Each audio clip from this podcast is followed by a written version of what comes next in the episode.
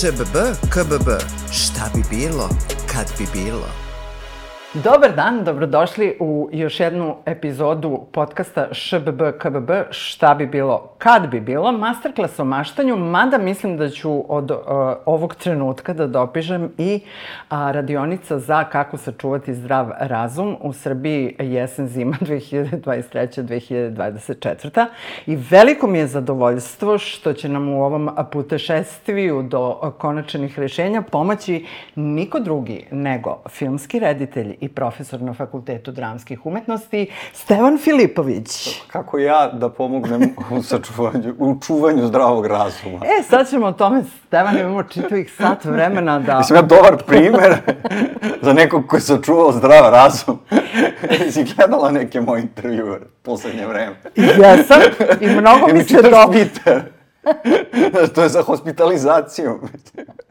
Mnogo mi se dopada način na koji ti razmišljaš, e, tako da vas očekuje narednih luda vožnja. Deca, volite li ludu vožnju? E, upravo će vam se to desiti. Dakle, Stevane, ovako. Hajde da a, krenemo od onog što sam nabubala na, na pamet, a to je Šitanov vratnik, šišanje, nekoliko epizoda urgentnog centra, Zatim, Jedno. Pored mene, pored mene musical, zatim uh, Breaking Point, priča Star Wars i pored tebe. I pored nas, nadam se, uskoro. Sve zamenice smo potrošili. e, dakle, ti si autor, filmski autor a, i da, ono što je jako bitno, što ćemo, o čemu ćemo malo kasnije pričati, je Dobra žena u saradnji sa Mirjanom Karanović. Ali ja bih pre svega da počnem a, ovu epizodu a, sledećom, sledećim rentom, a, što bi na Twitteru rekli nizom, ili a, kako ja besnim. Dakle, jako bih voljela da sada mi sedimo u avgustu u hotelu Cepter u sobi 102 i da razgovaramo o aktuelnim temama poput a, veštačka inteligencija, prednosti i opasnosti, zatim razvod LGB od transa i ostalih alfabet ljudi, zatim o tome kako nas cenzurišu ovaj, na Facebooku, na Instagramu, o tome kako nas cenzurišu na YouTubeu i na Googleu i prisluškuju istovremeno. Zatim bi mogli da pričamo o tome kako smo mi pod kolektivnom hipnozom svi na planeti Zemlji poverovali u priču o tome da je neko pojeo čorbu od slepog miša i razboleo se od covid -a, pošto su nezavisni novinari došli do apsolutno patient zero, odnosno prvog pacijenta kada je procurilo sve u Wuhanu, zašto sad već postoje ozbiljni dokazi. Dakle, mogli bismo svemu tome da pričamo, jer su to sve teme 21. aktualnog veka, međutim, mi se nalazimo u Srbiji koja čini mi se ima probleme iz 19. veka, to je gde je nama država i gde su nama granice. Nema. Nema, svesno smo se odrekli toga kad smo glasali za ove ljude koji su danas na vlasti. Znači, 2012. prelomni trenutak, ne znam da li se sećaš belih listića. Da. I da njihove racionalizacije i one debate na Peščaniku koja je bila, ja sam bio deo toga, jeli, sad već neka davna istorija. Stvarno mi je izgledao kao neka druga dimenzija. Aha. I bilo je tu pametnih ljudi, bilo je tu zanimljivih argumenta sa, sa, sa obe strane, ali ono na šta nismo tad dobili odgovor je, dobro ljudi, ako dovedete ove ludake na vlast, kako ćete da ih skinete? Mm -hmm. To neće moći demokratskim putem da se desi. I nije bilo odgovora. Dakle, mm -hmm. ljudi su ta intelektualna elita, kako god hoćete da, da, da nazovemo, oni su bili toliko kivni na, na Borisa Tadića sa pravom, a, da su spremni bili da vide kako svet gori samo da bi dobili to svoje parče osvete. Mislim da je to idiotizam. To je -hmm. destrukcija iz koje nikad ništa dobro nije izašlo. Mm -hmm. Znači, ni, nisam ni ja bio zadovoljan tom situacijom prvi. Znači, meni se nije, nisam ja živio super, tad i bio deo te ekipice i dobio na konkursima, pa sad kao bilo mi je super. Ne, bilo mi je jezivije nego njima. Ali sam shvatao da je ovo mnogo destruktivnije i mnogo opasnije. E onda idemo sad, flash forward 2023. 11 godina pakla, u kome mi nemamo društvo više. Mm. I u kome više nemamo sagovornike. I to ne, hoću da pričamo o, o svim ovim zanimljivim temama i to je suština, to je u stvari možda način kako da ostanemo normalni, tako što ćemo da, da, da, da, da se dislociramo, makar u glavi, makar neko parče vremena, pa ozbiljno, mm. znaš, pa, pa da, da pričamo i razmišljamo sa nekim ok ljudima o Successionu, kao, mm. a ne da gledamo ono domaće serije, neke, ovaj paraolimpijadu, ne znam kako da, da zovemo, da ne budem politički nekorektan, i onda kao sad da, da, da, da pričamo o tome ili da, da pričamo o domaćoj politici. Priča o domaćoj politici je kako da sklonimo Vučića i šta će da bude posle. Mm -hmm. I kako će ta opozicija da artikuliše to posle već sad. Mm -hmm. Kad smo na ulicama bili i pokazali neku volju i spremnost da se nešto menja, a, tu mora da se preuzme politička odgovornost. Znači, s jedne strane imamo depolitizovan i, i nezreo narod koji misli da to može sve be, van političke arene da se uradi. A s druge strane imamo političare koji su stvarno u 19. Pričam sad o opoziciji. Vlast mene zanima, to me da, zanima da. samo da ih sklonimo, pošto su kancer. A, ovi, a u opoziciji oni i dalje vrte neke priče iz 19. veka, bukvalno. Pa da. Znači, kakav, kakav nacionalizam, kakva Rusija, jeste vi normalni? Znači, i, i sad kao nemaju podršku Zapada. Pa zamisli to.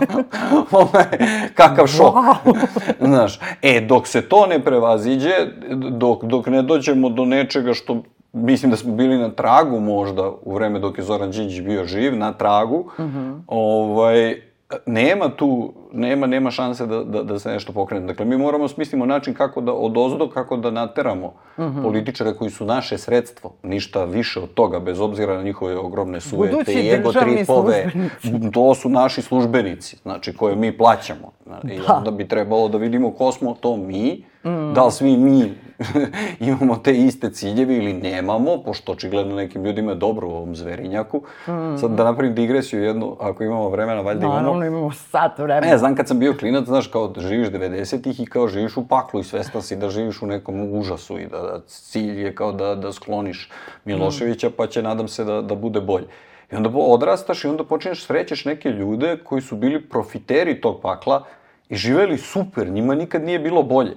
I ovde sad postoji jedna klasa koja nije toliko mala, koja je bolje nego ikad. Mm. Znači, ako imaš lažnu diplomu, ako ćeš da prodaš se ako sve, u kombinaciji jeli, u kombinaciji za, za njih. Od 3,5 do 17%. Natera će te Vučić da plati što debelo, to, to mi se sviđa, pošto je psihopata sadista, kao stvarno, mm. onda ponizit će te javno, znači neće moći da prođeš tek tako. Ali ćeš rešiti ta egzistencijalna pitanja. I to su te naše kolege, uh, bivši prijatelji, bivši poznanici, ne znam kako da ih nazovem, koji padaju kao domine jedno po jedno i to indukuju dalje taj osjećaj uh, besmisla i nemoći. E mi sad moramo da nađemo način da se borimo protiv toga, pošto nije okej okay da pričamo o tome da nam je najgore, e, imaš sad države gde je mnogo gore, nama je bilo mnogo gore dok smo bili mladi, razumem da smo malo se potrošili, malo ostarili, malo ovo, malo ono, ali ajde da vidimo da li postoji neki izlaz ako smo ovde. Mhm. Izlazi i da odeš odavde, sve je legitimno. Da.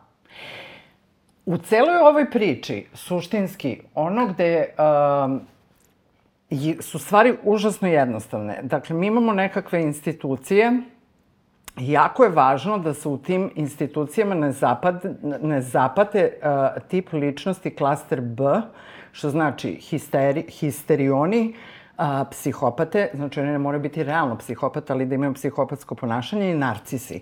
Dakle, ljudi su to davno rešili, mislim, na papiru, jel?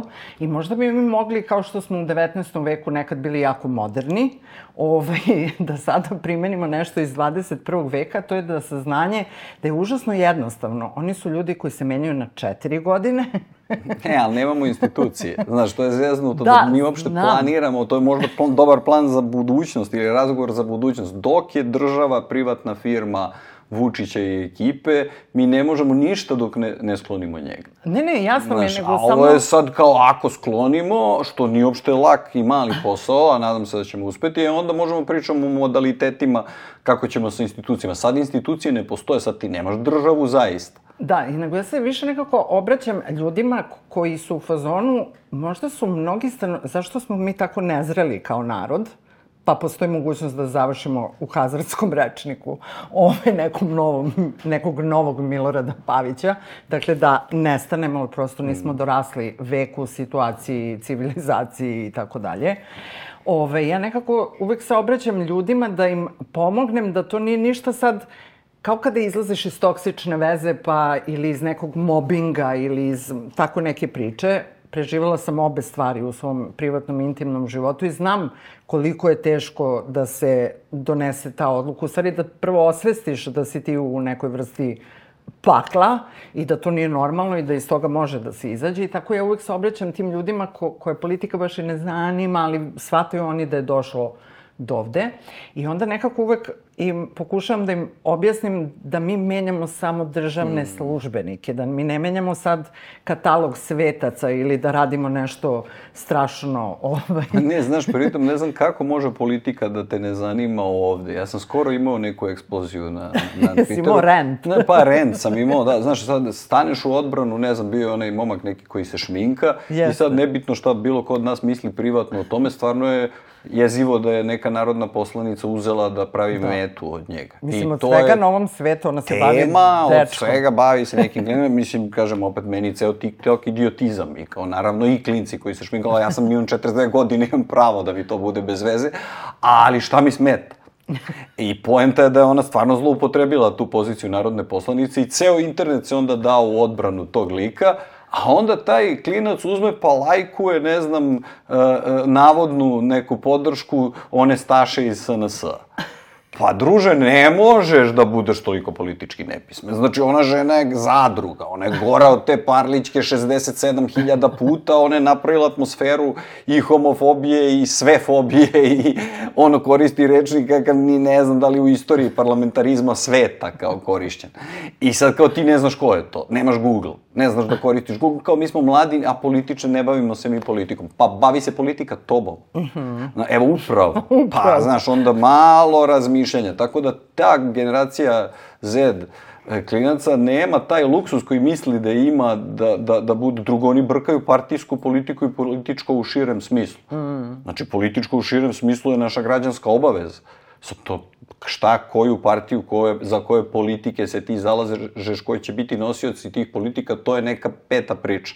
Mm -hmm. A, ovaj, a do, da se vratim na ovo što si rekao, mislim da, da je to dobar pristup zapravo. Do jeste toksična veza, I mobbing, istovremeno. I mobbing, i možda nije loše da, da u stvari kao šta je najgore što može da ti se desi. Već si u tom najgorem, hajde da probaš da izađeš iz da. toga, pa da vidiš šta ćeš. I onda u stvari to dno koje ljudi čekaju da dođe, možda je već ovo dno ili je dno fleksibilna kategorija. Ajde da ne idemo dalje ka dnu, nego da presečemo taj toksični odnos. Da, kad odnos. si u rupi, ne kopaj dublje. Ne, uvek ima dublje. To je divno rekla Latinka Perović, dve stvari. Jedna je da dno ne postoji, a druga je da izumiranje naroda nije sad bukvalno sad, eto, izumrli su Srbi. Nego izumro je biološki potencijal, intelektualni mm. potencijal jednog naroda za promenama, za boljitkom, mm. za, za, za... Snalaženjem u novonastalim situacijama. Rešavanjem problema, tako je. Tako da, da, da, mislim da je to jako pametno ovaj, konstatovala, ne moramo mi fizički da nestanemo, ali možemo, nestaćemo onog trenutka kad se svi predamo i kad kažemo, pa dobro, eto, tako je, kako je, ovo je nečija privatna Kolumbija i kao mi ćemo sad da se snalazimo u, u tom brlogu, nećemo da se snalazimo u brlogu, makar ja neću reprizu, da. lošu reprizu 90-ih. da, znate šta, a Tito Milošević Vučić, znači, a tek mi je 53, znači... Meni Tito još tu super. Tito je, da, da, da. Tito još Koliko sam doživeo. good guy. Da, da, da. da. Dobro. Godinu dana posle smrti sam rođen. Da. Ja bih samo voljela isto Njegove da, smrti, ne svoje. da sa tobom popričam, pošto, po, možda smo mi svi, znaš, ovo možda se ovo iluzija. Ove, a, htela bih takođe da popričamo o jednoj stvari, a to je a, o čemu a, strašno me zanima, na primjer, ja se vozim gradskim prevozom u novonastaloj situaciji kod gistro gradonačelnika, ovog čoveka, vaterpolista, što, nara, što zaključuje da mi živimo u tropima i da ovo nisu ništa čudno za naše novonastale klimatske uslove. Ovaj, a, I onda gledam kao, ok, ovo je na telefonu, ovo je na telefonu, ovo je na telefonu i onda uvek ima par ljudi koji zagledano gledaju, ono, zagledaju se i negde gledaju u daljinu kroz prozor i onda stalno, ono, volila bih da budem kao nebo nad Berlinom, da mogu da, da čitam te misli, o čemu li oni razmišljaju. Da li, na primjer, razmišljaju o tome da veličujući Elona Maska dovode direktno ne damo jadar u, u ovaj pitanje, dakle ne možeš da budeš za obe stvari, pošto ovaj čovjek želi da se koristi litijuma što više ovaj, u budućnosti, a se, znači, ima tako nekih kontradiktornosti da ukoliko nisi na nivou osnovne radoznalosti. Mm. Jer ja nekako dolazim iz 20. veka gde hteo ne hteo ti si ujutru čitao te neke novine. Mislim, tražeći, znaš, šta Sherlock robata, mislim, A to već bila selekcija. Znaš, sad nemaš selekciju, sad imaš beskrajnu buku. Nego gde je nestala ta radoznalost? U beskrajnoj buci. U beskrajnoj buci. Znaš, to je kao da, da, da stvarno ono imaš deset komšija koji rade zidove onim bušilicama i sve vreme ti je to oko tebe u glavi. Da, kao mislim, white noise. Mislim, TikTok je tu demonski stvarno neki pa algoritam. Ga... A stvarno demonski, znači i način serviranja propagande kineske i način uništavanja mozga, duše, čega god. Znaš, to je endless feed koji ti samo servira đubre. Ali oni znači, ne kriju, oni ti kažu, mi nemamo nikakav friendship, nikako ovo. Ništa, mi nema samo želimo da potrošiš što više svog tako boravka na planeti Zemlji na nas. I to se kao kroji prema tebi, u stvari ne, tebe kroji prema tom opštem besmislu. I pravi jedan opšti besmisao. Kako ćeš ti da budeš radoznao kad si bombardovan? Ti imaš vremena da misliš. Zaista. I taj, taj Elon Musk je recimo, mislim, To je ozbiljno, ozbiljan negativac iz Bonda, ili još gore u stvari, koji je na ivici toga da, da je jak kao, ne znam, neka jača država u svetu, pa, da mu uticaja na svetsku politiku. Može da nas kupi sve zajedno. Može sve i svašta nekako da uradi. Preko tog Twittera možeš revoluciju da napraviš, možeš da napraviš Trumpa, možeš da napraviš Brexit, možeš svašta nešto da uradiš. A možeš i sad da cenzurišeš. Može da cenzurišeš, može, on, on je uveliko sad gura neke ekstremno desničarske ideje i ukrevetuje sa republikancima tamo i tako dalje. Tako da, da, da, u stvari, demokratija da bi preživela, ako hoće da preživi, mora da se modernizuje. Ne mogu sad, ne može Biden da bude najbolje što Amerika može da polo. To je dosta zastrašujuće. Znači, to mora da bude neko ko razume digitalno doba. E, I drugo... Niko razume bilo pa šta ne, gde se nalazi. Pa, niko razume bilo šta gde se nalazi, da. Ali ne, tu legislativa mora da prati evoluciju tehnologije. Znači, ne može sad zakon da dopušta postojanje e, takvog, to, nekakvog maska koji radi šta hoće i zajebava nas sve, u stvari. A, a to je nekakva neograničena moć moć u rukama nekog prepubertetlije kompleksaša koji sad kao, eto, živi svojih, ono, koliko minuta da. ili godina i tako dalje. Dakle, tu mo, sad, sad nastupa to vreme kada, eto, imali smo digitalnu revoluciju, malo je nismo razumeli, počinjemo da je razumemo i njene reperkusije po društvu u koje živimo. E sad, ajde da vidimo kako će to da se dovede u red. Ako će u bilo kom obliku, kažem, demokratija da da preživi, ako ne, ćao, postajemo privatna firma, pa da, sve zajedno, svet je, svet DOO je vlasništvo uh, Jeffa Bezosa, Ilona Maska, par nekih tajkuna, Putina, takvih ludaka i ćao, to ti je to. Da. Znaš, tako da mislim da, da, da, da sad agresivno treba da, da, da sazri generacija koja razume trenutak, uh mhm. -huh. inače smo u rukama, eto, tih ljudi. Mhm. Uh -huh. A u svemu tome šta Stevan Filipović radi? Stevan Filipović, e, da se vratimo na početak ovog priče, pokušava da zadrži to zrno normalnosti ako ga je ikad imao. Ovaj, I a da ne spre... tako što bežimo od stvarnosti, nego nekako sa, sa tim divnim krizama srednjeg godina kod homoseksualaca, kako se to već manifestuje, pa eto, mene zakačila teretana. Nije najgore, može i gore može. od toga. Ovaj, pa sport je super stvar Mm -hmm. I žao mi što to nisam kapirao sa 20 godina, nego je trebalo da se desi svašta nešto da bih, da bih ukapirao, ali izvlačite i, i mislim, ja idem i na psihoterapiju i kao, i prošao sam, imam depresiju i lečim mm -hmm. se od toga, ali svaki psihijatar će da, da, da kaže da je 50% uh, leka sport. Verujem, dakle, to da. nije zezanje, to je hemija. Mm -hmm. Mislim, to stvarno tako funkcioniš. Tako da mi to puno pomaže. Stvarno sam u tom smislu imao neku ono, ozbiljniju transformaciju, neko, neko bolje, mirnije, mhm. -huh. nadam se malo mudrije stvorenje. Ovaj, I onda ti to omogući da ono što primarno voliš i radiš, a to je film, mhm. -huh. pisanje, režiranje, rad na fakultetu, da radiš bolje. Mhm. -huh. fokusiranije, pametnije, ekonomičnije u smislu koliko ćeš da se potrošiš ovde, koliko ćeš da se potrošiš tamo. I drugo, sad kako idu 40. to je jedna ozbiljna selekcija sad već ljudi. Mm -hmm. Znači, nećemo vampire, ne može više, nema, nema prostora za to, nećemo mrtve ljude, uh, ajde da vidimo da redefinišemo neke koncepte sad i da, mm -hmm. da mhm. pričamo o nekim odnosima i da vidimo koliko su neki odnosi bili toksični, bez ljutnje možda.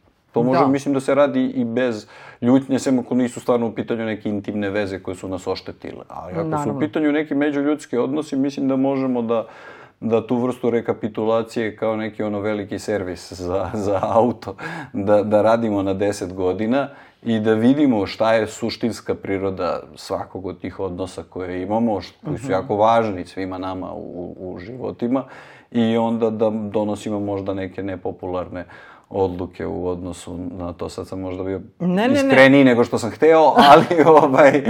Evo ja ću ovaj, ti pomoći da se ne osjećaš toliko. Ovaj, a, ja sam se a, tokom prošle godine baš suočila sa ozbiljnom borbom sa svojim mentalnim zdravljem a, zbog niza stvari koje su se desile. Ovaj, I moram reći da sam ozbiljno sa svojim psihoterapeutom radila na problemu depresije koja je počela da se ovaj, pojavljuje i moram priznati da mi je a, postalo, jako sam postala osetljiva na to kada nekog zoveš, on kaže depresivan sam, ja sam u fazonu bolje da nisi, možda se samo loše raspoloži. To paušalno korišćenje medicinskog termina, to stvarno me izbezumljuje. Kao. Mi, ok, ja razumem da ljudi ne znaju, onda se trudim da. da imam strpljenje i da im objasnim. Znači, kad si neraspoložena, neraspoložen, kad ti nije dan, kad ti se desi neka tragedija u životu, to je normalna tuga. Depresija je medicinska dijagnoza mm -hmm. i to se leči. I sad, ajde, ovo što sam rekao u sportu, moram stvarno da dodam, meni je terapija plus lekovi su mi mhm. spasili mm -hmm. život. Dakle, da, ne, da se ne zbune gledalci da, pa da, da pomisle da, da može to da se reši samo sportom ili ne nekog... Može. Nemaš ti volju da se baviš sportom ako si u akutnoj fazi depresije, nemaš Tačno. volju da se baviš životom, da ustaneš iz kreveta. Tako da terapija svakako, ako treba lekovi da, zloupotreba lekova ne, Jedino što je zeznuto, ne znam kakvo tvoje iskustvo, zeznuto je naći dobrog terapeuta. To nije baš, verovatno je zeznuto naći dobrog ortopeda, ali mislim da je ovo zeznutije. Ne znam kakva su tvoje iskustva. Pa, moja iskustva su takva da sam, ovaj, da mi je e, život, e, e, kad sam imala mobbing epizodu u životu, upoznao sa ženom koja je već tada shvatila ovaj, ko sam i šta sam, pa sam s njom prošla prvu grupnu terapiju, mm. ovaj, a zatim kada je ovaj, došlo do nekog razbuktavanja, nekog drugog problema koje moje, ne, ono kad je krenuo mi tu, meni je neka stari, stara trauma oko, o kojoj nisam čak nikada ni sa sobom popričala, izašla ovaj, na videlo, pa smo onda radile pojedinačno i onda je bilo lako sad kada sam primetila da odlazim u, u, u vrtlog zbunjenosti šta se oko mene dešava svim iznenadnim sr, ono, smrtima svih mojih najbližih ljudi oko mene. Ovaj, tako da moram priznati da sam imala tu sreću da je to neko ko me jako dugo poznaje mm. i sa kom sam prošla razne vrste uh, izazova. tako da, ovaj, da, mislim, slažem se s tobom potpuno, treba imati sreće i, i naići na nekog ko želi da radi sa tobom, to je jako važno, da međusobno želite da radite, da niste samo jedan. Imala sam raznih susreta. A znaš šta, super ta reč koju si upotrebila rad. Pa to je rad. To je rad i to je ono mm. ozbiljan, ozbiljan rad. Znači, ne možeš ti da odeš tamo i očekuješ neko magično rešenje. Ne, moraš se otvoriš. To je nulti stepen. Pa, da. znaš, sve ono dalje kako ide.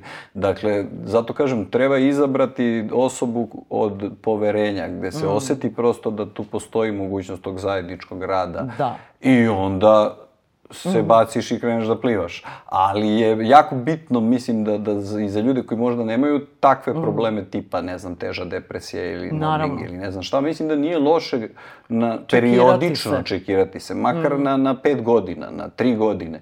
Otići, po, prosto, nije sad to, ni, ni, kako da kažem, ljudi iz filmova možda steknu neku pogrešnu iz televizije, jel tako, ne, sliku o svemu tome, pa Toni Soprano ide tamo. ovaj, nije to sad neko kopanje po prošlosti i, i to skidanje Ne. svih slojeva luka. To je pitanje vrlo jednostavno, u stvari, kakve smo mi od, od, od detinjstva mehanizme reakcija na određene situacije, pojave, ponašanja razvili, da li smo svesni tih mehanizama, da li su te, ti mehanizmi destruktivni ili konstruktivni i kako ćemo, ako su destruktivni, da ih razbijemo. Da, da ih uočimo, detektujemo i onda da ih dekonstruišemo i odbacimo potpuno, zato što nisu dobri. Znači, možda su mi ti mehanizmi spasavali život dok sam bio u osnovnoj školi, ali sad su loši po mene, pošto nisam više u osnovnoj školi, nego imam 42 godine. Tako da mislim da, da je to jako dobra stvar kod, kod dobre psihoterapije, što će u stvari da, da, da, da ti ukaže na to da kao, aha, ceo ovaj tvoj model ponašanja, nije bitno da li si preuzeo iz porodice, od- iz društva, okruženja i to, agresivan si. Nemoj da budeš agresivan, daj probaj da to sublimiraš, da kanališeš kroz umetnost ili kroz boks ili ne znam šta, a onda iskomuniciraj direktno umesto da komuniciraš podtekstom. I sad ima sad tu milion primera, ali samo nije loše da možda eto jedna osoba ovo pogleda i da, da shvati koliko je to važno i korisno. Apsolutno, posebno što se sad kao priča o mentalnom zdravlju, ovaj, naravno, glede tragedija koje su se desile u maju i dobro je da su se te stvari nekako, ali kao što televizija je ipak biznis i nemojte očekivati od televizijskih formata, posebno desetominutnih razgovora između, moramo na blok reklama, ovaj, da neko tu bude u toj igronici, ono gde ti upale štopericu i budi pametan, imaš 10 minuta i Nema reci im sve. Ovaj, a dakle, da te pritom neko jako agresivno pita i da traži stalno neki, kao da moraš da im daš tačan odgovor. A još treba da bude pričaš o najintimnijim nekim stvarima. Zna- Znaš, dovedu sad to ženu koja je pretrpela zlostavljanje i sad očekuju da spakuje u pet minuta ne, neku priču. Mislim, to je, nije, zlo je. Mislim, nije etički, kao Da. pored toga što je nemoguće. Da, Znači, mislim- ti treba da budeš neki super heroj, ne znam, da, da, da, da, da možeš uopšte da, da se otvoriš. Jeste. I da pričaš o tim stvarima, a onda treba da se otvoriš još i da budeš u njihovom formatu. Da bi stigle reklame. Pa mislim sad da ne psujem. Da, mislim, sa jedne strane je dobro da je kao mentalno zdravlje, psihijatri, psihoterapeuti, sad sve zavisi i od svih tih niza psihijatara i psihoterapeuta koji tu gostuju, ko ume da se snađe pred kamerom, ko je dosadan, ko je ono, mislim ti treba da budeš i fotogeničan i žovijalan i da privučeš klijente i da učiniš mentalno zdravlje jako seksi temom ove između dva bloka reklama. Tako da je to opšti galijematas, ali pozitivno brojanje da je to došlo ovaj, jeste, a, jeste. na repertoar i da tu neko ipak je krenuo da razmišlja na taj način da je ovom narodu pre svega potreban jedan dobar psihoterapeut. Ali bukvalno svakome. Svakome. Jer kao mi živimo u toliko nenormalnom kolektiv. društvu, n- ne ozbiljno, ja razmišljam sad, evo, ne, pored mene je izašao 2015. I to isto je Vučić bio i, i, i banda. Međutim, pazi, tad je to nešto, još uvek nisu preuzeli sve institucije sistema. Da, da, tad je neka bilo vrsta kao privida svileno. društva, kao da je postojala, nije zapravo, ali se spremalo se ovo, ali i dalje je bilo ostataka ne, nekog društva. da, da, da, jel? da. I tad si ti imao mogućnost da odeš negde i pričaš sat vremena o filmu koji je imao premijeru u Puli i Sarajevu. Ja sad kad odem, evo sad sam skoro bio davao neki intervju, ja kažem uživo, ljudi, ali nemojte sad kao posle premijere u Puli i Sarajevu da izvučete naslov Vučić. Znači, iako su oni protiv Vučića. Mislim, i nisu, srećom, poslušali su me, ali to je jedno u milion. Inače smo napravili zverinjak u kome su jedine teme to ta, ta, taj e, diktator, autokrata, nazovimo ga kako hoćemo, i to da li smo protiv njega. Ma jesmo, ali neću da mi on bude tema, neću da mi determiniše život svaki dan. Znači, radit ću svoju njemu građansku jako godi dužnost. da mi svi pričamo Ma njemu njemu je super, to mu je marketing, je njemu- on obožava da on bude tema. I Pa ne da, treba pa ga čašćavati na taj način, nego treba pričamo o ovim drugim stvarima koje nam čine život vrednim življenja.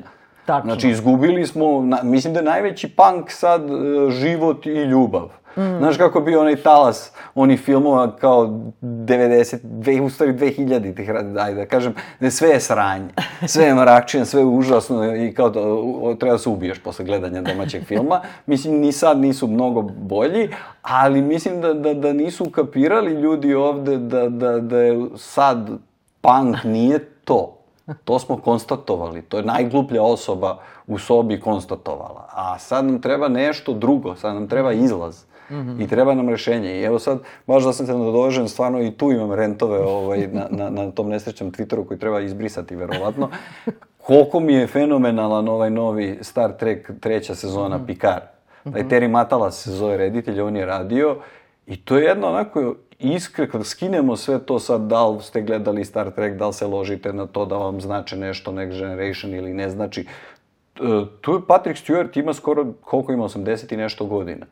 To je jedna iskrena priča o starosti, kakvu nismo odavno videli. Indiana Jones 5 je iskrena priča o starosti kakva ne postoji uglavnom u hollywoodskom mainstreamu.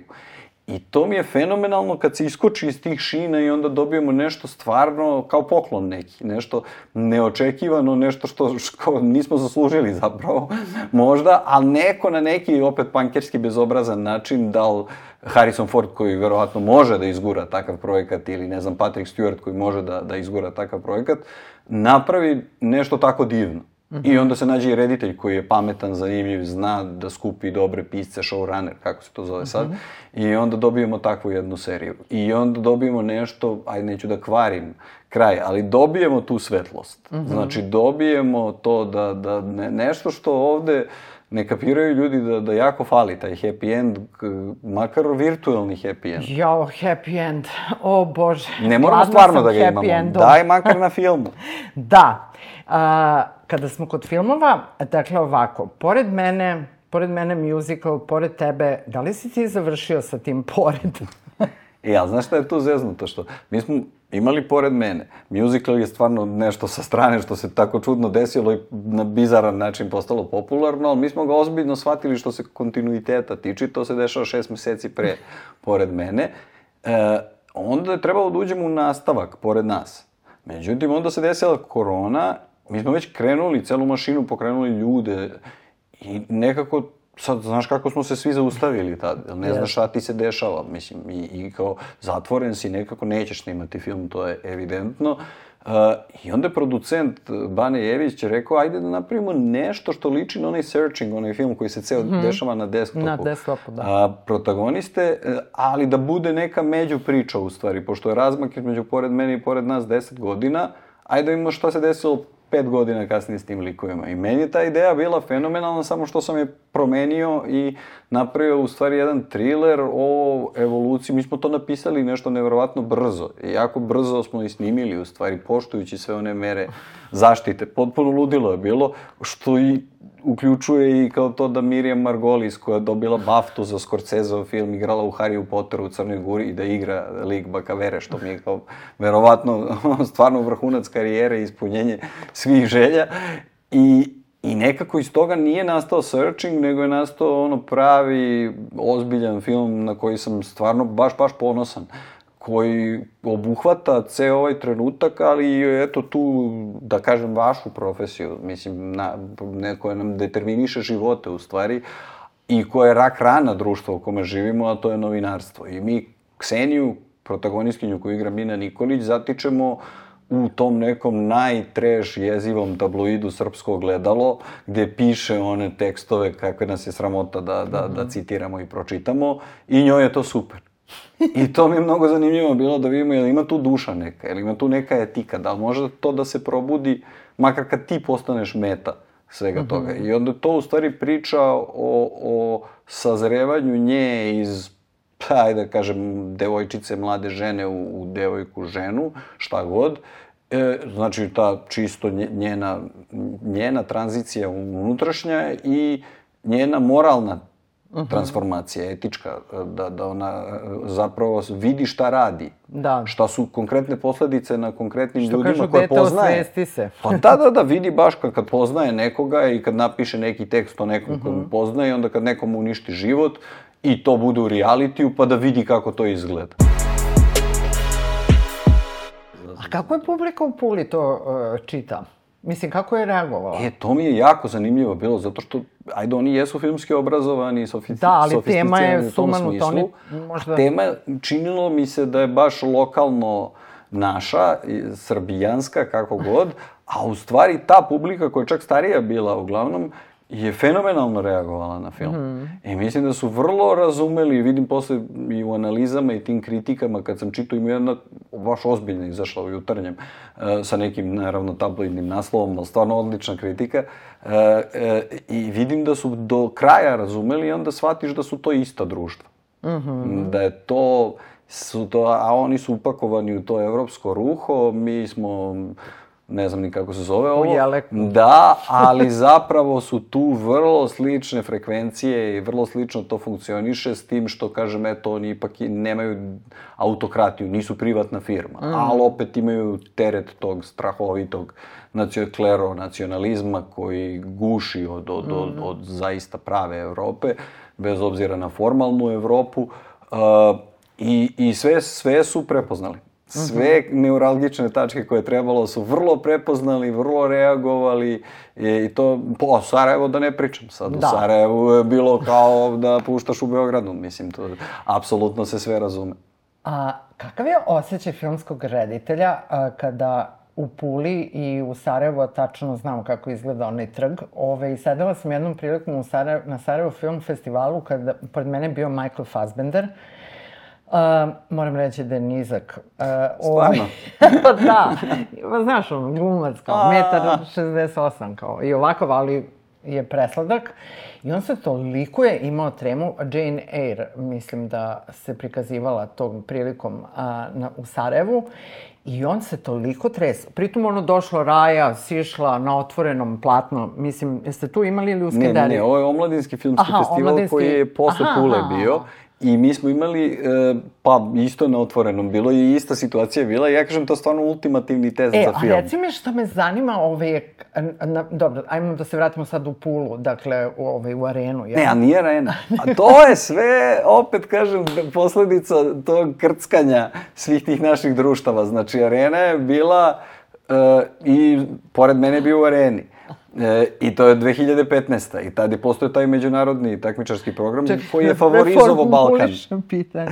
Pa ne, nego Dakle. za, za, zanimljivo je zapravo zašto nije arena. Nije arena zato što je odlučeno da u areni idu ili hrvatski filmovi ili hrvatske koprodukcije. Što je po meni neverovatno idiotska odluka, jer kao Hrvatska napravi jedan zanimljiv film na pet godina i ovaj sad, da ne zvučim grubo, ali mislim da je kapacitet Pule mnogo, A ja sam mnogo da se veći. svi filmovi... Ne, ne, ne, ne. Ima izuzetak, ima nekih komercijalnih filmova koje odluče da puste tamo, ali glavni program je Arena. Ovo što smo mi bili je nešto što se sad zove Greater Adria i to su neki italijani, španci, nešto što stvarno nema veze ni sa mnom, ni sa nama. Ste kao neki sidekick. Pa to je nus proizvod ignorisanja Jugoslavije. A ne možeš ti da imaš pulu koja je nastala Joli, u 30 Jugoslaviji. godina, ka, ljudi, 30 godina. Ne vredi. 30 30 godina. godina, ne, znači, ne, ne, ne. dete se rodilo, sad ima 30 godina. I, znači, I dalje se beži od Jugoslavije u nešto što, što je besmisleno. Ne možeš, ili ćeš da napraviš seoski vašar, ili ćeš da, da se takmičiš sa Kanom, Berlinom i Venecijom gde nećeš pobediti. I šta ti ostaje? Znači, seoski vašar ili Jugoslavija. Ja bih izabrao Jugoslaviju. Da. Ali dobro, to je već njihova stvar, naravno. Nebitno. Tako da, Arena, kažem, rezervisana, eto, sledeći film je Hrvatska koprodukcija sa Hrvatskom, pa će, ako bude Aha. u Puli, biti verovatno u Areni. I onda mi je zanimljivo bilo pitanje, dobro, ovaj film je super i nije u Areni. Šta ako je sledeći film katastrofa? A bude u A, areni. a, a bude. Ako su to kriterijumi brojanje krvnih zrnaca, onda stvarno, brate, Da, ne. onda smo stvarno u autu. Da, da, da. stvarno- Zato kažem, situacija tamo nije toliko različita od Ne. situacije ovde. Ja imam tako, ja sam dosta naivna osoba u životu, a što me dosta košta, ali sa druge strane ovaj, nekako ne idem na podmlađivanje, nego me ta naivnost že Nije ni to loše. da, čini velikim detetom. A, dakle, ovako, a, Stevane, ja sam našla neki, u, kad sam a, selila a, porodičnu kuću, ovaj, a, našla sam neku kutiju punih nekakvih kaseta I ovaj, to se u stvari se ispostavilo da su to razni neki digitalni formati i tako. Kreće moja tužna priča. I ovaj, a, ima VHS-ova, ima svašta nešto i sad, okej. Dakle, to je od 1991. razno nešto gde smo se, ja, moja ekipa, Radio B92, mislim, razne mi, razni mi ljudi iz grada, ovaj, u raznim fazama, do neke 2011. I onda su meni svi rekli, ajde, ajde, ajde, dokumentarac, prijavi se u Filmski centar Srbije. I uh, ja sam rekla da, prvo sam se zblanula što meni to uopšte neko predlaže, onda sam pitala da li vi zaista mislite da mi meni te osobe apsolutno me saslušale, a kamoli mi dali neku šansu. Ove, tako da sam ja jedan od razloga zašto sam bila kod psihoterapeuta jeste taj što nisam ove, nisam ove, nikad realizovala to. Ali Nema dobro... uopšte da se brineš, ja mislim da su mene 40 puta odbili, sa gotovim filmom čak, par e, puta. htela sam da te pitam. A, a dokumentarni je najmanje mafijaški konkurs. tako da, još si super imala kategoriju. Ali ne, sad će da gledaju verovatno iz ove studentske da guraju svoje. O čemu se tu radi? Zašto Filmski centar Srbije nije jedna otvorena, jedna, kako bih rekla, mislim, o čemu se tu radi? Kako, kako ti Zašto preživljavaš... Zašto medved kaki u šumi, a ne ide u WC, razumeš, negde lepo, kako, to i to i. Kako su ljudi Kako smo mi, jel to isto kao i sa državom? Ne, slušaj, to je gore. Ne, ne, gore, centru? gore, gore. Mislim, ima, ima to SNS krilo, ali zapravo ta filmska mafija je starija od SNS-a i na neki perverzan način jača, u smislu da to treba posmatrati kao iz Kuma 1, onih pet porodica mafijaških. Aha. I onda ima, e, to, to je bilo raznih e, donova tu i ima i dalje. I sad neki donovi su Vučićevi, e, ne znam, Laza i ovaj, kako se zove, nesrećnik, Oluja, Dara e, i tako dalje, ovaj, oni su eksplicitno SNS i to se zna kako ide po toj liniji i postavljanje ljudi na pozicije i članova komisije i glasanje i tako dalje, što je... A mogu kako ja da... ti uspevaš uopšte da snimaš film? Pa ne uspevam. Mislim, to je problem, što ne mogu, to je kao neki bizarni hobi. Znači, mi, ljudi konkurišu sa scenarijima i dobiju, mi konkurišemo sa gotovim filmom i odbiju nas ne pogledaju ga. Da. Ne, bukvalno film sa Miriam Margolis. Da. Koja ima baftu sa Scorseseom. E, I onda dobijemo, recimo, ono što moramo da dobijemo, a to je taj minimum neki, i to jedva, za, za završetak postprodukcije samostalno finansiranog filma. Aha.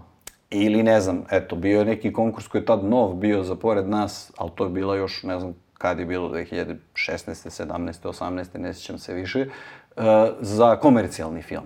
I onda je sva mafija udarila na ovaj glavni konkurs, ovde nije bilo toliko, bili neki koliko toliko ok ljudi u komisiji, ispostavilo se dosta časni kad je bio onaj ceo haos posle konkursa i tu smo recimo dobili.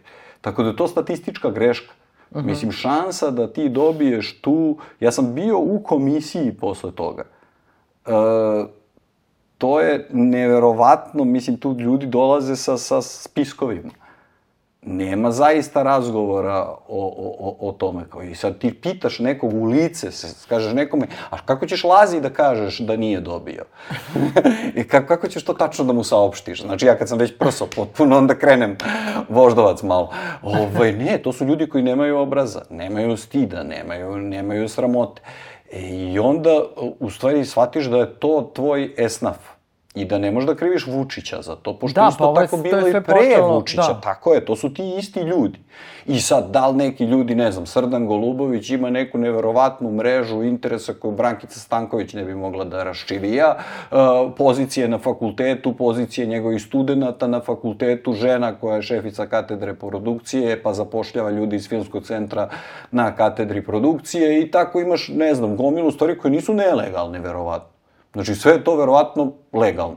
Ali isto tako, verovatno kreira neku mrežu interesa koja će da omogući da možda ti budeš favorizovan na nekom konkursu, što je nedokazivo skoro ili jako teško dokazivo. Ovaj, a to je zato što nemamo sistemski uređeno šta je konflikt interesa šta, da. i tako dalje i tako dalje. Onda imaš druge ljude, te, to SNS, gde je to udri, guraj, oću da. pare znači gde nema, nema subtilnosti. I oni rade to na način koji je vulgarniji, ajde da kažem, i koji može da ih dovede možda kad se promeni vlast u neku poziciju da, da možda budu manje favorizovanima, da super oni plivaju. A da li će uopšte nešto bi pomoglo filmskom, uh, ono, filmskoj umetnosti uh, uh, Srbije 21. veka kada, ako se ikada desi, uh, da ovaj se sistem promeni, U stvari čak ne ni sistem, nego ukoliko bi sad kao na izborima pobedio neko drugi, kad bi filmski ne, ne, centar... Isto bi, isto bi bilo. Isto bi bilo, pa sigurno bi Bijela radio, ne bi dali meni. Bez obzira što sam ja A najbučniji kako i ti najagresivniji tu, ne znam to, ajmo protesti, idemo ovo, ono, ali oni znaju da sam ja ludak koji se ne može kontrolisati. I onda neće oni ljude koji, koji ne mogu da se kontrolišu, ni jedni, ni drugi, ni treći, u stvari. A da li ih- to onda znači da ti ne treba više nikada snimaš jedan film? Pa ja ne znam da li ću snimati posle ova dva filma ovde ikada, ja, možda ću snimati negde drugde, ali ne znam, ja ne znam kako tačno treba da izgleda dalje moj život i karijera ovde, ovi mi sigurno neće više da se zajebu da mi daju bilo šta za, bilo za koji film, gerilski kako da radim, nisu to umetničke slike ili knjige ili ne Da. znam šta, pa da ja snosim celu odgovornost, to su ljudi, to su stotine ljudi koji žive od toga.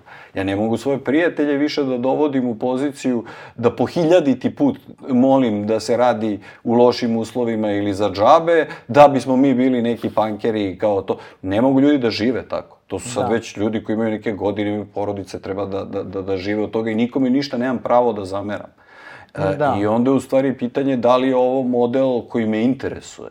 Jel to, ti pitaš kako može da se promeni? Pa može da se promeni tako što moja generacija neće da budu beskičmeni, beskičmeni gmizavci koji će da služe tim netalentovanim gospodarima, koji, čiji je glavni fokus kako mafijašiti na konkursima. Glavni fokus nama, umetnicima, mora da bude e, kvalitet e, filma, umetničkog dela Da. koje radimo. Doprinos Ako istoriji nam je to, pa ne moramo čak ni da gledamo u tim velikim kategorijama, nego da se bre ti ložiš na filmove, da li privatno pričaš o filmovima, da li se ložiš na seriji, da imaš taj dečiji osmeh i sreću kad pogledaš nešto dobro i, i, i ponosan si i srećan si da si deo tebi, to je divna profesija. Meni je mnogo žao što ta divna profesija koja je izvor toliko divnih emocija i sreće i može da izazove katarzu kod toliko velikog broja ljudi, to što ti napraviš ako dobro napraviš, e, što se ovde svela na to pozicioniranje, sitnu pijacu, e, kako ću ja da dobijem pare na konkursu, baš me briga, hoću da pravim film. Mislim, uzet ću mobilni telefon pa ću da snimam film, ako mi je to Da. unutrašnja potreba. Mislim, A kako ti ljudi svi reaguju? Vi se srećete na fakultetu dramskih u hodnicima, profesori ste. Ma, Steva ludak i kao ne pričam ni sa kim. Mislim, i onda je to, znaš, najlakše je njima, u stvari. Znaš, oni su svi normalni, pametni, svi su se skućili, svi rade serije za Vučića, zarađuju pare. Ja idem kod psihijatra, možda i oni idu, ne znam kako ko uspešan. Ovaj, e, znači, svi delimo iste probleme i naravno to, to je naj, naj, možda najgadnije to. Znaš, kad sam ja mislio da je ta uloga to da ja idem i pričam politički neke stvari, da je to normalno, da sam ja taj lik koji to treba da ide da radi, a, a onda shvatiš da kao, aha, čekaj, pa imaš celu jednu generaciju ljudi koji su situirani, obezbeđeni, ok, su obrazovani, su vrlo imaju politička mišljenja kad pričamo u četiri zida, a nešto njih ne vidim da pričaju o tome javno. Ne, ti si... I onda shvatiš da je to u stvari svesna odluka. Aha, mrš, da ne kažem gde. Znači, to je kraj. Tako da, ove, ja jesam, jesam tu mm, burnog temperamenta, ne znam kako drugačije da kažem, i, i, i, i, a, i sečem, verovatno previše radikalno sečem neke Voždovac stvari. Voždovac voždovac e, sine. ostao u fragmentima, ali, ali to licemerje ne mogu više Mhm. da, da, da, da trpim. Do- Dosadno mi je, nervira me, bez, jadno mi je. Znaš, e, to mi je isto normalno bilo da nema podrška. Neko meni preti smrću, ima policija na premijeri šišenja, pa to je 2010. sećam znači nisam se ni autovao kao kao, da gej. juče. Znači to su bile ono, kao, bilo još cool kako je ono sad neke stvari. I ti vidiš da tu ne postoji javno, neko neće da se isprsi pa da kaže čekaj, ovo je naš kolega, ovo je moj prijatelj, je sad će neko da, drugi da napiše možda tekst na peščaniku. Kako sam ja počeo pišem tekst na peščaniku? Pa ponudiš se, kažeš, evo ja želim da napišem tekst, sumnjam da bi neko odbio tekst nekog mog kolege i tako dalje. Da. Tako da u stvari odluka kolektivna je ćuti, povi rep, budi sluga, idi po protokolima, ok, detanti flert sa e, SNS-om, MTS-om, e, Fireflyem i tako dalje i kupi sebi auto, kupi sebi stan, znaš, i stvarno ja u njihovoj toj perspektivi ja sam stvarno neki ludak, jel tako? Sebi nisam. Znaš, ali razumem i tu perspektivu, zaista. Da. Ja kada bih, nekako sam uvek zamišljala tako, kad pričam sa nekim tvojim kolegama, ovaj, i onda kao kakvi bi sve filmove snimali, serije, o čemu razmišljaju i tako dalje, i onda sam ja u fazonu, pošto to već toliko godina slušam, a malo se toga realizuje zaista u stvarnosti da bude stvarno, ovaj, bio u fazonu treba da se napravi ono jedna izložba trejlera svih nikada snimljenih filmova i serija i to bi, ja verujem, bio ono blockbuster, apsolutno, kao, a šta smo sve propustili, šta, koji su sve scenarije. E, pa to, ovaj, a želim tebe da pitam, da li ti možda ovaj, imaš neku seriju u glavi, pošto je to inače format koji ovaj, je sad jako zanimljiv, mislim ne sad, nego... Da li zamišljaš možda u nekoj, se, o nekoj seriji koliko bi bila sezona, ovaj, da li bi išao na tri ili pet ili četiri? E, mislim da je opasno da razmišljam unapred o sezonama, znaš. Mislim da je, moraš da imaš kraj i moraš da imaš dobru priču za prvu sezonu, ali moraš da imaš kraj. Znači, ne smeš da zajebavaš ljude, moraš da, da, da, da znaš gde ideš. I da. onda može da se to razvlači po sezonama, ali daj fokusiraj se prvo na prvu. Jako je teško to napisati. I ja stvarno, znaš, mnogo sam blaži u stvari prema ljudima koji to rade od većine publike, zato što razumem da je nemoguće sada za godinu dana napisati jednu sezonu Igre prestola. Da. To je, ovaj čovjek, Martin je posvetio bre pola života razvoju tog sveta, tih likova. I, I sad se očekuje od nekih ljudi da napišu ne znam šta za, da. za, za pola godine. Pa to ne, ne, ne biva. Ali razvijaš Znaš, neku ideju za pa, seriju? Ja, ja neću da razvijam ideju za seriju dok znam da je nemoguće da, da, da će biti realizovana. Mi imamo razvijenu fenomenalnu ideju za seriju za, za pored nas. Mm -hmm. Pošto je pored nas neki kao, ne znam, Hunger Games, i, i to je sledeće godine će izaći pa, pa, pa ćete videti, to je treći nastavak te trilogije i sa tim završavam zaista. Uh, I imamo ideju za Šišanje 2. Wow. Pošto je pored tebe takođe nastavak Šišanja. I to sve zajedno čini taj neki Marvel da, univerzum da, da, da. i sve je povezano, vidjet ćeš kako, 6. Uh, septembra kada izađe pored tebe, mislim da će biti sasvim jasno. I sad odeš i pričaš sa nekim ljudima koji nisu Vučić, jedini s kojima možeš da pričaš, i oni ti kažu ne, trenutno ne radimo to, a onda uzmu da rade nešto drugo. Da. I onda kao, aha, okej, okay, znači ja, u stvari, su zatvorena sva vrata. Znači ja ovde ne pripadam, ne treba da radim i onda ne mogu ja sad dalje da se investiram kad ti svi otvoreno kažu, a u stvari nas ne interesuješ. Znaš, da. to ti je sad kao da ideš i juriš si zaljubljen u nekog, pa ideš i uriš, kucaš, moliš, ne, mislim, ne vredi. Znaš, to, je, to nema, nema puno smisla. Tako da, da to dalji planovi moraju da budu drugačiji. Ajde kažem i da ne budu vezani za lokalno, jer to lokalno trenutno se neće promeniti. Da. Ja se sećam tebe, uh, sećam se priloga na televiziji da se vi pojavljujete i kao snimili smo Šeitanovog ratnika I znala sam od uvek da u tebi ima nešto plus, ovaj, ok, kao filmski reditelj, ali da si, ono, dimenzija plus, ovaj, da si mislilac i da si borac za slobodu i ljudska prava i svašta nešto. I malo je ovih sat vremena, stigli smo skoro do kraja. Hmm. I a, sećam se a, e, premijere Šišanja kada su mi tražili bombu, kao molim vas gospođi se ustanite, ovaj, kada je bila ja, jedna od najbizarnijih, a bilo sam na dosta bizarnih ovaj, premijera, ja, ovo sa, ali ova Šišanje, to se osjećala policajaca u vazduhu. S jedne strane Brankica da. s njenim obezbeđenjem, s druge strane ovi huligani iz Zveri, iz Dženove i ekipa, mislim, baš je bilo... Da, da, bilo je i skinheada koje sam poznavala. Jeremy Renner, koji je došao pijan iz Hollywooda, nije znao u kojoj državi se nalazi sa Bojanom Novaković. Da, i sećam se ovaj, a, nekih likova iz ono vremena uh, 80-ih i akademije i poček, početaka skinhead ovaj, pokreta, pošto smo imali tu sumanutu ovaj, a, viziju, kao Jean-Paul Gaultier nas je zeznuo, ti si kriv, ovaj Gautier, zato što je rekao da su skinheadi najbolje i najpametnije obučeni ljudi na svetu, ne ulazeći u njihovu ideologiju. Možda misli na punkere ili one, Ne, ne, one, one, one radnička klasa skinheada. ne, ne, da, da, da, to, mislim, to je, ja sam rođena 70. Razne su tu tako subkulture da, bile. Da, da, da, ali ono, originalno, ono, Dr. Martins, uske farmerke, bela majica i ovaj Spitfire jakna, ovaj, ono, basic, ovaj, tako da sam srela i te ljude, a sećam se i premijere, mm, to pored te, pored Mene. mene, mene da, pored mene, ovaj, a, kada sam videla jednu novu plejadu i generaciju fenomenalnih glumaca, koji dan danas jako pratim i volim, i ovaj, pre svega Slaven Došlo i Nikola Glišić, oni su mi, ono, bila sam u fazonu, ovi mladići su Hollywood. Čekaj da ih vidiš u trećem delu. E, jedno čekam i, ovaj, i sve u svemu ovaj, hvala ti što postojiš, što misliš i što govoriš.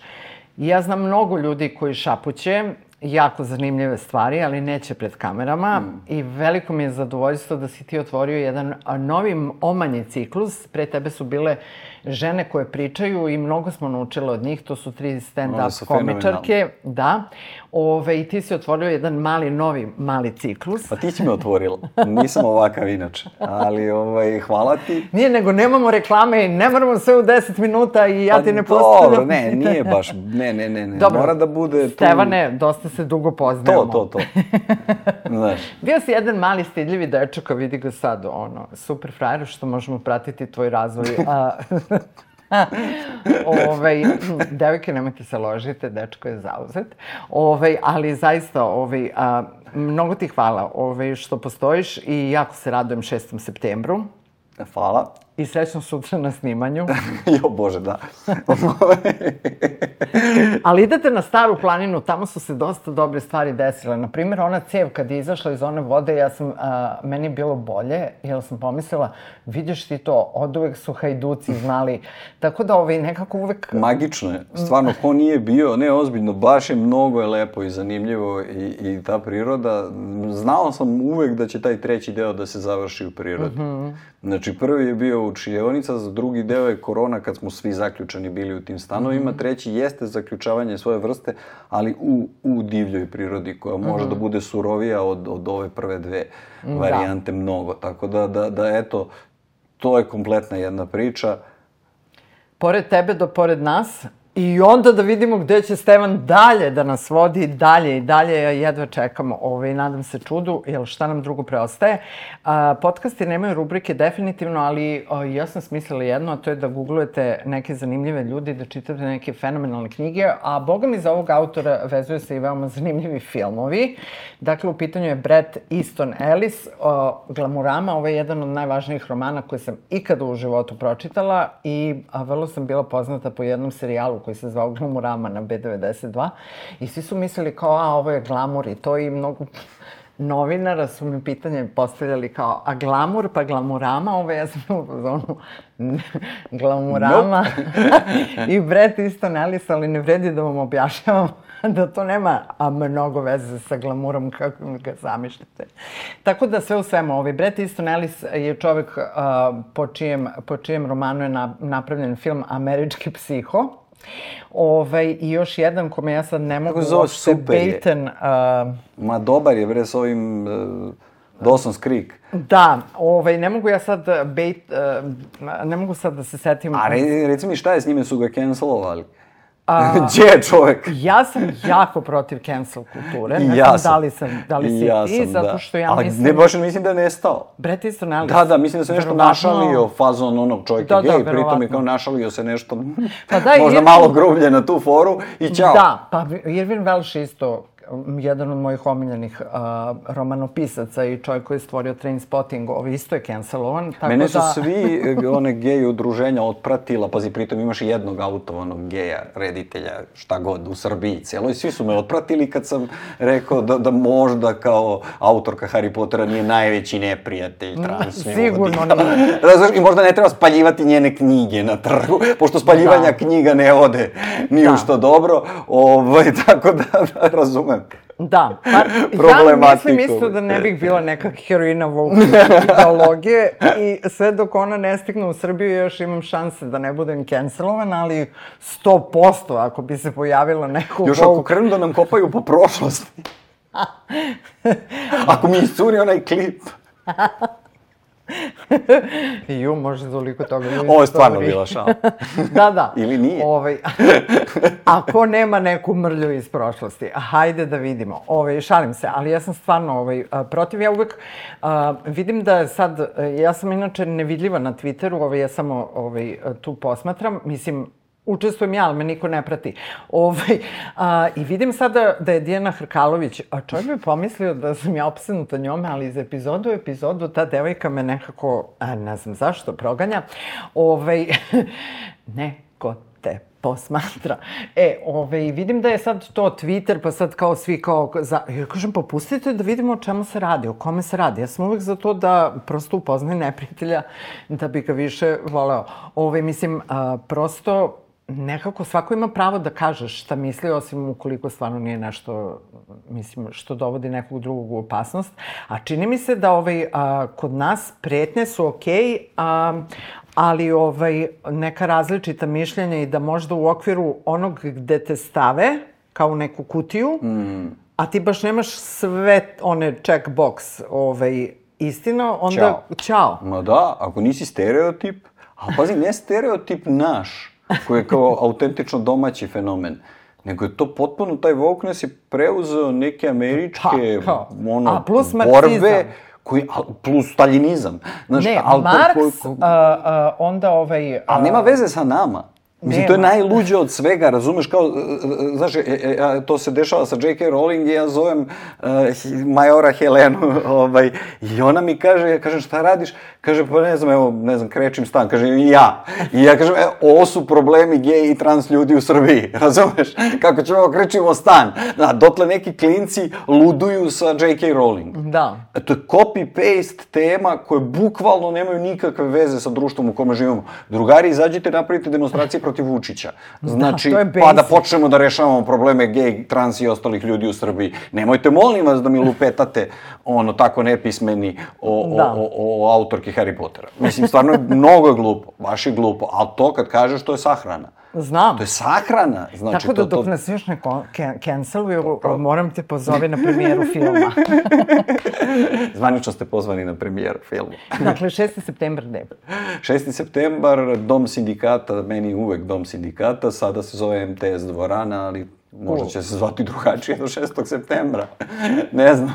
Ovaj, pošto Sava centar se reno- renovira, ali estetika filma su je taj jugoslovenski brutalizam i žao mi je što nije baš Sava centar, pošto bi se savršeno uklapao u celu priču, ali ovo je isto sasvim Okej. lepo, bit će okej, da, i baš jedva čekam da, da ljudi vide film. Dobro, a koju generaciju u oktobru imaš na fakultetu dramskih? Uf, ja sam od 2012. Ne, nego na... koliko će godina imati? Koliko godina će imati studenti? Da, mislim, Na treće su godine, na ne znam trećoj. koliko imaju godine. Dobro, dobro, a na trećoj Ne znam da godini? brojem.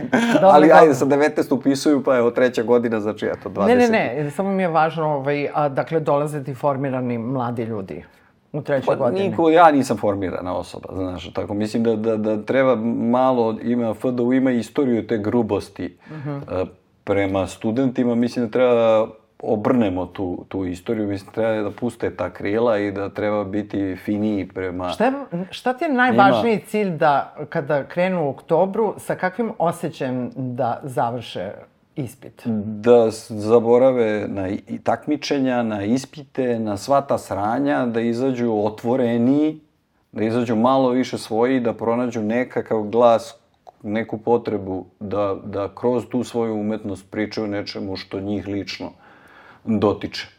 Eto, ništa više. Upravo takve želim da vi budete e, na kraju ovog podcasta. Hvala ti, Stevane, mnogo. Ovaj, a vidimo se za sedam dana, nadam se iskreno. ovaj, sve epizode a, ŠBB, KBB masterklasa o maštanju i kako sačuvati zdrav razum radionice nalaze se na a, portalu nova.rs i YouTube kanalu Nova S. Hvala vam puno. Hvala ti još jednom. Ti si jedan veliki car. I eto, zajedno ćemo biti kancelovani, ali Ide gas. Ide ga.